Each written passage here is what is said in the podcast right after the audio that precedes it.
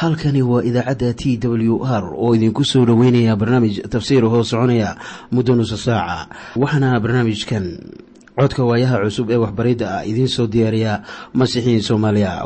Sareyow masiixow samawadaha guudow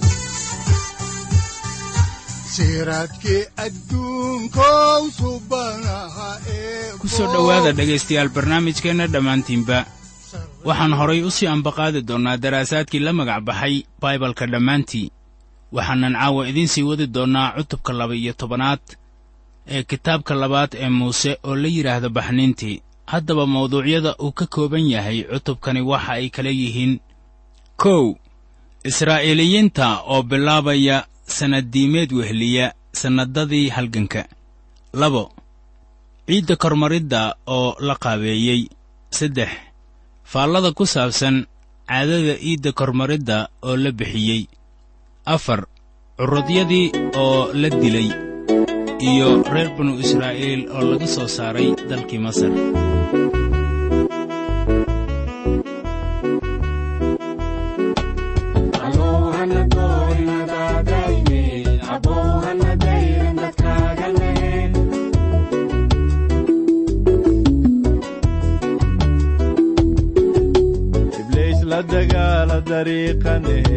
abowhana dayrin dadkaaganehe qofkii dulmi doono dayrin dadkaaga nehe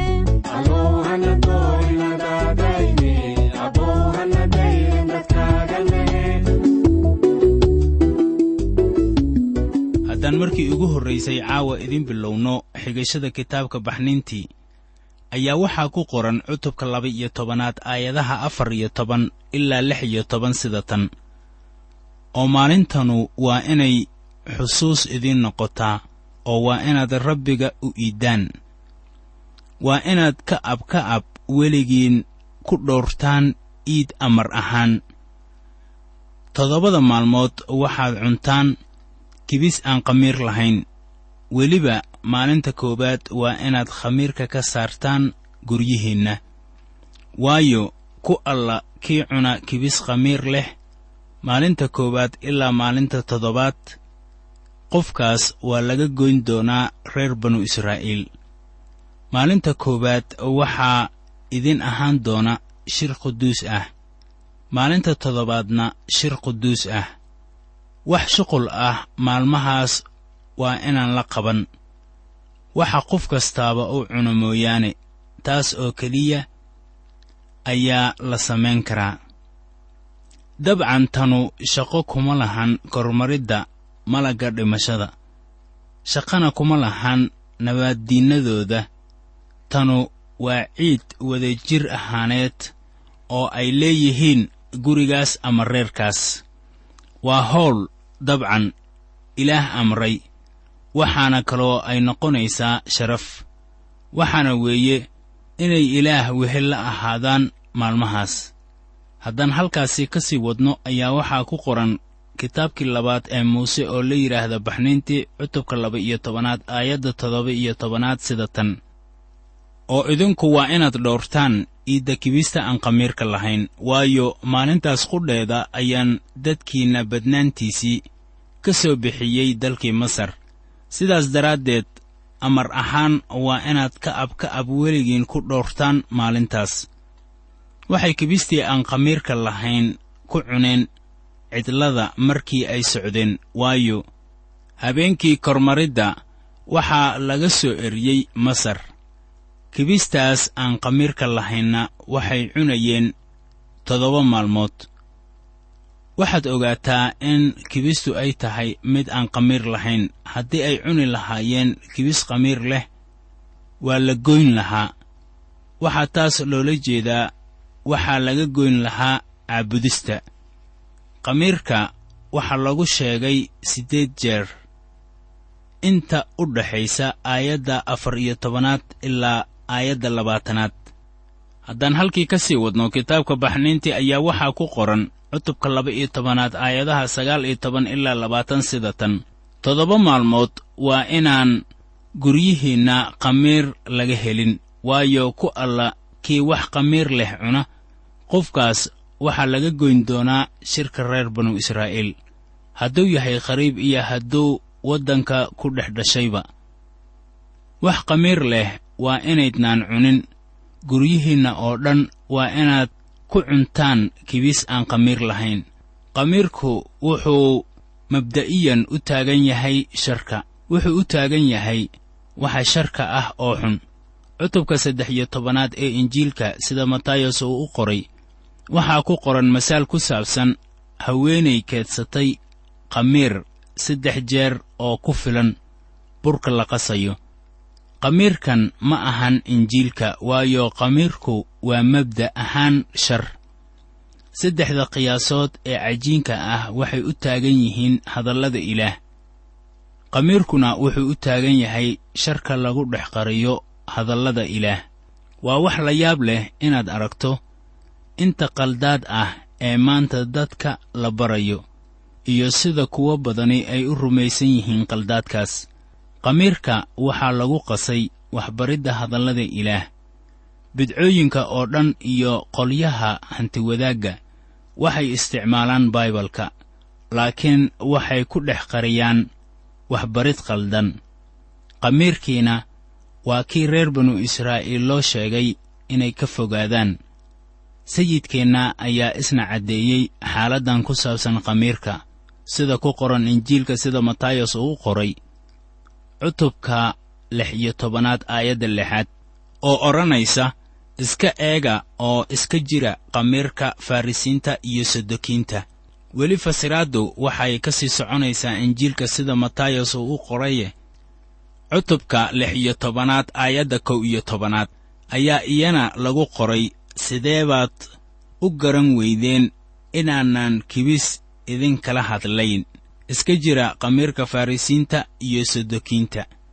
Haddaan halkii ka sii wadno xigashada kitaabka ayaa waxaa ku qoran cutubka laba iyo tobanaad aayadaha laba iyo labaatan ilaa saddex iyo labaatan sida tan.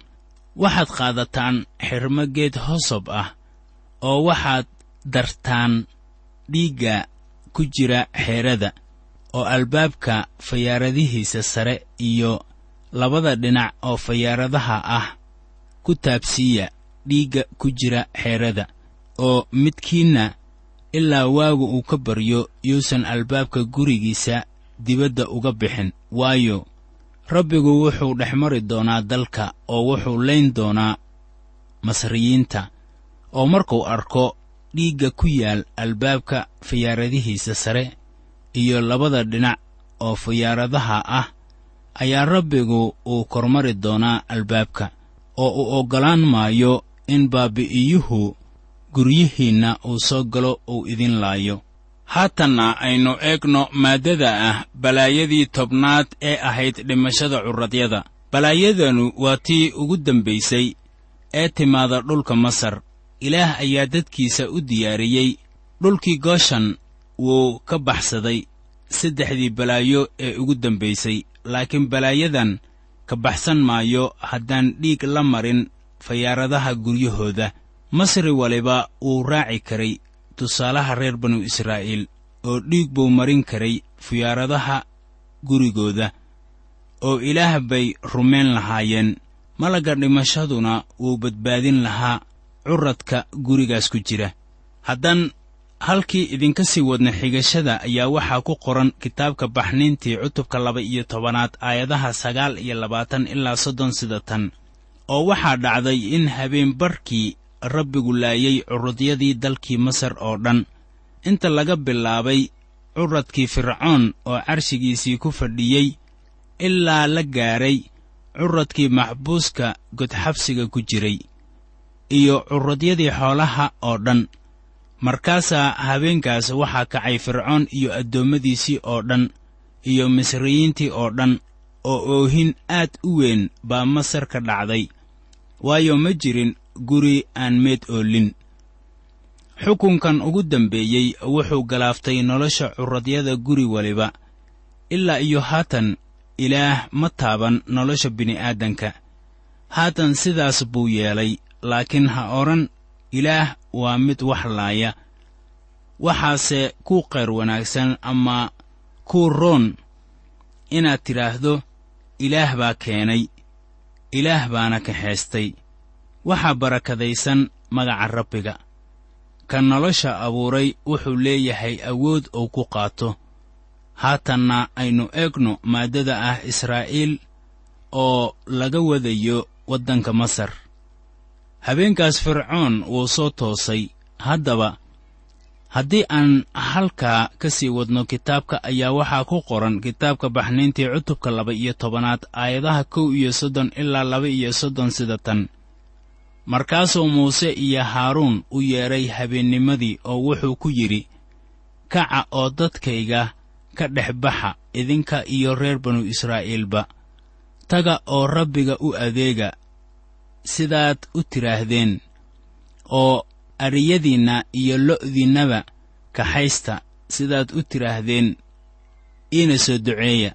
Ugu dambaystii fircoon gacantuu taagay ilaa iyo haatan wuu kacagajiidayey inuu oggolaado wixii muuse uu dalbanayey laakiin balaayadan timid ayaa taabatay wiilkiisii. Ilaah kuma uusan bilaabin balaayooyinka inuu laayo curradyada. Wuxuuse ku bilaabay loolankan iyadoo ushii haaruun loo rogay mas. Haddii fircoon uu rumaysto ilaah reer banu israa'iil way ka tegi lahaayeen dhulka oo wuxuu ka badbaadin lahaa dadkiisa xukunka. Haddaba ilaah wax eed ah kama saarna wixii fircoon iyo dadkiisa ku dhacay. Haddaan halkaa ka sii wadno ayaa waxaa ku qoran aayadda saddex iyo soddonaad sida tan. Oo masriyiintuna waxay dadka ku dedejiyeen inay dhaqso uga saaraan dalka. Waayo waxay yidhaahdeen kulligeen waxaannu nahay dad go'ay. Haddaan halkaasi ka sii wadno xigashada kitaabka labaad ee muuse oo la yidhaahdo baxniintii ayaa waxaa ku qoran cutubka laba iyo tobanaad aayadaha afar iyo soddon ilaa shan iyo soddon sida tan. Markaasaa dadkii waxay qaateen cajiinkoodii intaannu qamiirin iyo weelashoodii ay wax ku dhex cajiimi jireen oo intay maryahoodii ku xidheen ayay garbaha saarteen oo reer banu israa'iilna waxay yeeleen sidii muuse ereygiisu ahaa oo waxay masriyiintii weyddiisteen alaab lacag ah iyo alaab dahab ah iyo dhar. Ereyga ah weyddiista waxa weeye cibraani ahaan shaal ilaah wuu u roonaaday oo raalli buu uga dhigay masriyiintii si markii ay weyddiistaan masaarida alaab ay masriyiintu u siiyaan wax waliba oo ay weyddiistaan waa habka ilaah uu u siinayo mushaaradoodii sannadadii ay hawsha addoonsiga ah duudka laga saaray. Masaarida dayn badan baa waxaa ku lahaa israa'iil taasoo markaa keentay in israa'iiliyiintu ay haatan qaataan hanti badan oo masriyiintu ay lahaayeen. Haddaan halkaasi ka sii wadno xigashada kitaabka ayaa waxaa ku qoran cutubka laba iyo tobanaad aayadda soddon iyo toddobaad sida tan oo reer banu israa'iilna waxay ka socdaaleen ramsiisis oo waxay tageen sukot tiradooduna waxay ku dhoweyd lix boqol oo kun oo nin oo lugaynaya oo aan carruurta lagu tirin. Waxay haddaba u muuqataa in dhulkii masar ay ka soo baxeen israa'iiliyiin gaaraya ilaa iyo hal milyan. Waxa ay ahaayeen lix boqol oo kun oo nin oo lugaynaya oo ay wehlinayaan dumar iyo carruur haatanse meel kale ayaa dareenkeenna loo weecinayaa. Ee bal aynu eegno aayadda soddon iyo siddeedaad oo leh oo waxaa kaloo raacay dad fara badan oo isku darsan iyo aryihii iyo lo'dii oo ahaa xoolo aad u badan. Haddaan dib ugu noqonno kitaabka baxniinta ayaa waxaa ku qoran cutubka laba iyo tobanaad aayadaha sagaal iyo soddon ilaa laba iyo afartan sida tan oo cajiinkii ay masar kala yimaadeen ayay ka dubteen kibis aan qamiir lahayn. Waayo ma ay qamiirin maxaa yeelay dalkii masar degdeg bay kaga soo baxeen oo siima ay joogi karin mana ay diyaarsan sahay. Reer banu israa'iil intay dalka masar qariib ku ahaayeen waxay ahayd afar boqol iyo soddon sannadood. oo markii afartii boqol iyo soddonkii sannadood dhammaadeen isla maalintaas ayaa rabbiga dadkiisii badnaa oo dhammu ka baxay dalkii masar habeenkaasu waa habeen aad rabbiga loogu dhowro. Bixintii uu iyaga masar ka bixiyey aawadeed. Kaasu waa habeenkii rabbiga oo ay reer banu israa'iil oo dhammu ka ab ka ab aad u dhowraan. Fantaasiyaha kormaridda wuxuu ku sallaysan yahay markii reer banu israa'iil laga soo saaray dhulkii masar. Ma ahayn inay iloobaan wixii rabbiga ilaaha ah iyaga uu u sameeyey ilaa boqorku uu ka imaanaya kol dambe oo sannadkana laga soo gunaanadayo. Dabeetana way iloobayaan ha yeeshee mar kale ayaan taasi eegaynaa. Haddaan xigashada halkeedii ka sii wadno ayaan iminkana waxaynu akhrinaynaa aayadaha afartan iyo toddoba ilaa afartan iyo siddeed ee cutubka laba iyo tobanaad.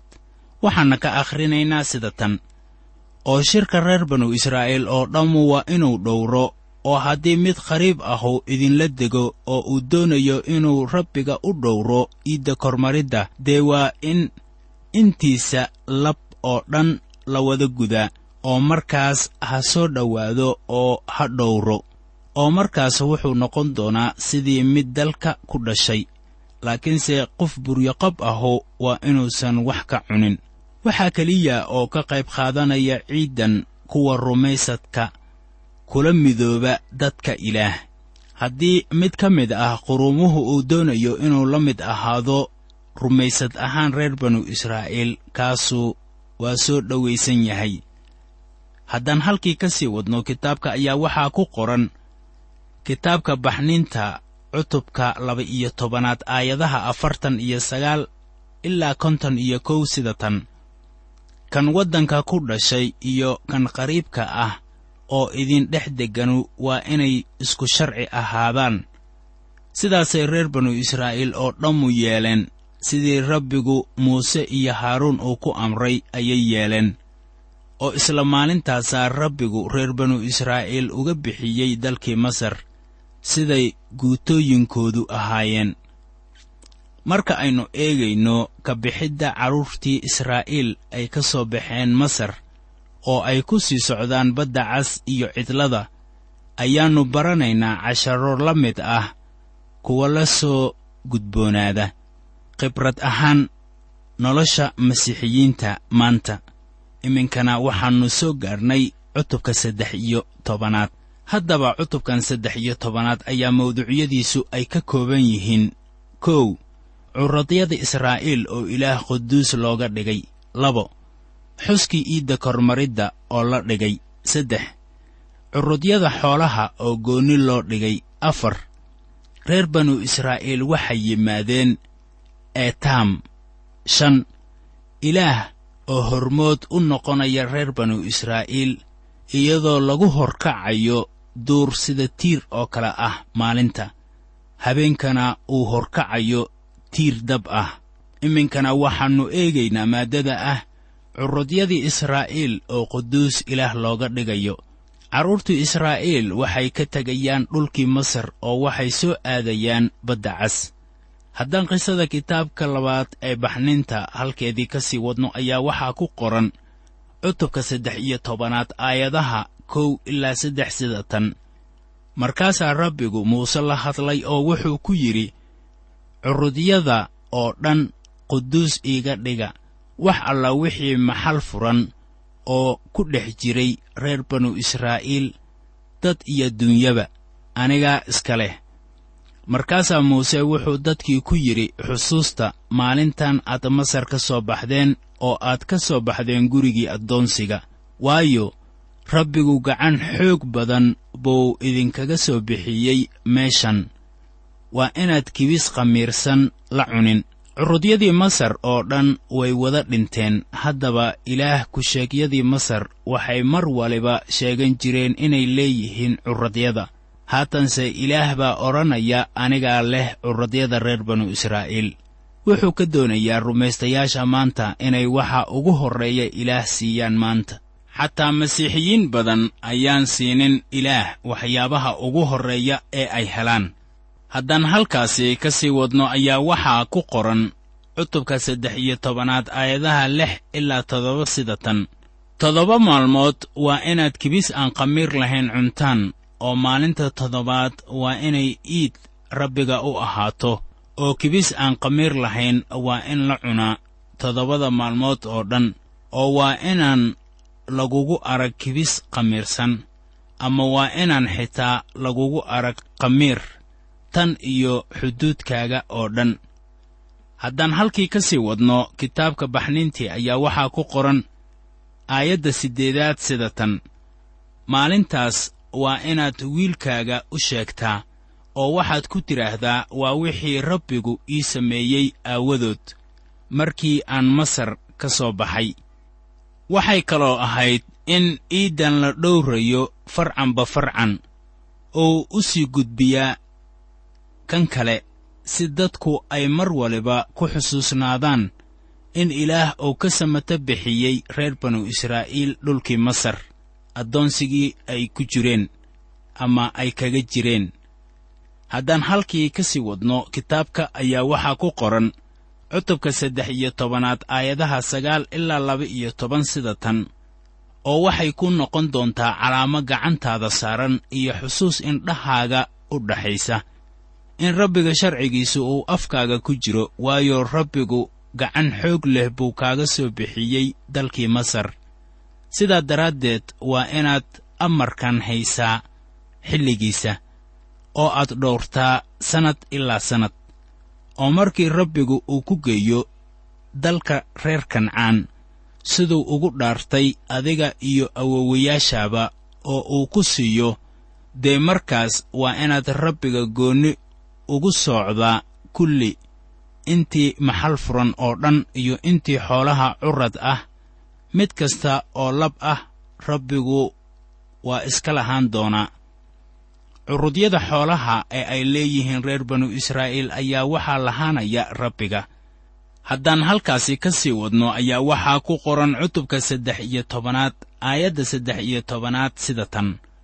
Oo curud kasta oo dameer ah waa inaad ku madax furtaa wan yar oo haddii aadan doonaynin inaad madax furato dee markaas waa inaad luqunta ka jebisaa oo dadkaaga curadyadiisa oo dhan waa inaad wax ku madax furtaa curudyada dameeraha oo dhan waa in lagu madax furaa wan ilaah dooni maayo in xayawaankaas dhegaha dhaadheer loo bixiyo allabari beddelkiisa waxaa gelaya wan yar.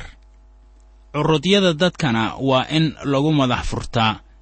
Sidaannu kol dambeeta arki doonno lacag. Haddaba naxaaska lacagtu ka samaysan tahay ayaa noqonaya lacagta madax furashada. Haddaan halkaasi ka sii wadno kitaabka ayaa waxaa ku qoran cutubka saddex iyo tobanaad aayadaha afar iyo toban ilaa shan iyo toban sida tan. Oo dabeeto markii wiilkaagu uu wax ku weyddiiyo uu kugu yidhaahdo waxaanu waa maxay? Waa inaad ku tidhaahdaa isaga. Gacan xoog badan baa rabbigu uu nagaga soo bixiyey masar oo ahaa gurigii addoonsiga. Oo markii fircoon uu dooni waayey inuu na sii daayo waxaa dhacday inuu rabbigu wada laayay curudyadii masar oo dhan oo ahaa curudyadii dadka iyo curudyadii duunyadaba oo sidaas daraaddeed baan rabbiga allabari ugu bixiyaa wax alla wixii maxal furan oo dhan oo ah inta lab. Laakiinse dadkayga curudyadiisa oo dhan wax baan ku madax furtaa. Dhowridda iiddan waxay ahayd inay reer banu israa'iil soo xusuusiso in ilaah oo ka samata bixiyey dhulkii masar. Curudyada wiilashooda waxay ahayd in lagu soo furto lacag waxaa laynoogu sheegay warqaddii koowaad ee rasuul butros cutubka koowaad aayadaha siddeed iyo toban ilaa sagaal iyo toban. Hadalladan u dhacaya sida tan. Waxaad og tihiin inaan dabeecadihiinnii bilaashka ahayd oo aad awowayaashin ka dhaxasheen laydinkaga soo furan waxyaalaha baaba'aya oo ah sida lacagta iyo dahabkaba. Laakiinse waxaa laydinku soo furtay dhiiggii qaaliga ahaa ee masiix oo ah sidii wan yar oo aan wax ceeb ah iyo iin toona lahayn. Haddaan dib ugu noqonno kitaabka baxniintii ayaa waxaa ku qoran cutubka saddex iyo tobanaad aayadda toddoba iyo tobanaad sida tan. Oo markii fircoon dadkii sii daayey ilaah kuma uu kaxayn jidka dalka reer filistiin. In kastoo uu kaasu dhowaa waayo ilaah wuxuu yidhi waaba intaasoo dadku markay dagaal arkaan ay qoomameeyaan oo ay masar dib ugu noqdaan. Ilaah wuxuu reer banu israa'iil soo gaarsiiyey dhulkii reer filistiin isagoo soo marinaya cidlada oo taasuna mucjiso ayay ahayd. Haddii cidlada lagu soo weerari lahaa ilaah wuu samata bixin lahaa. Marka loo baahan yahay ilaah waa u diyaar inuu mucjiso sameeyo laakiin wuxuu doonayaa inuu ka dangaaro doonistiisa. Haddaan dib ugu noqonno kitaabka ayaa waxaa ku qoran cutubka saddex iyo tobanaad aayadda siddeed iyo tobanaad sida tan. Laakiinse ilaah wuxuu dadkiisa u horkacay waddada la wareegta cidlada ku agtaal badda cas. Reer banu israa'iilna waxay masar ka baxeen iyagoo hubkoodii sita. Kelmadda ah iyagoo hubkoodii sita ayaa xiise leh macno ahaan. Waxay ka micno tahay in reer banu israa'iil ay masar ka baxeen iyagoo habaysan laakiin dhulka masar ugama ayan soo bixin iyagoo isdaba ordaya laakiin waxay u soo baxeen si habaysan.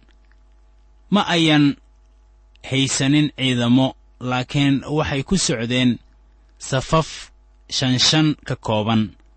Haddii aad arki lahayd iyagoo socdaa oo cidlada dhex maraya waxaad garan lahayd inay yihiin hormooyin si habaysan u soconaya.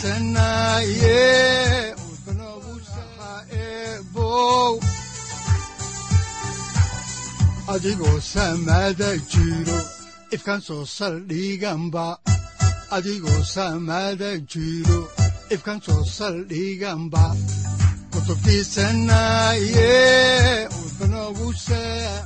halkani waa t w r idaacadda t w r oo idinku leh ilaa ha idin barakeeyo oo ha idinku anfaco wixii aad caawi ka maqasheen barnaamijka. Waxaa barnaamijkan oo kalaa aad ka maqli doontaan habeen dambe hadahan oo kale haddiise aad doonaysaan in aad fikirkiina ka dhiibataan wixii aad caawi maqasheen ayaad nagala soo xiriiri kartaan som t w r at t w r c o k e haddii aad doonaysaan in aad dejiisataan oo kaydsataan barnaamijka ama aad mar kale dhegaysataan fadlan mar kale booqo www t w r o r g amase waxaad teleefoonkaaga ku kaydsataa ama ku download garaysataa agabyada ku sahli karaa dhegeysiga t w r haddii aad doonayso in laga kaalmeeyo dhinacyada fahamka kitaabka amase aad u baahan tahay duco fadlan fariimahaaga soo mari bogga aaraahda ama kommentska inana jawaab degdeg ah ayaanu ku soo diri doonaa amase ku siin doonaaye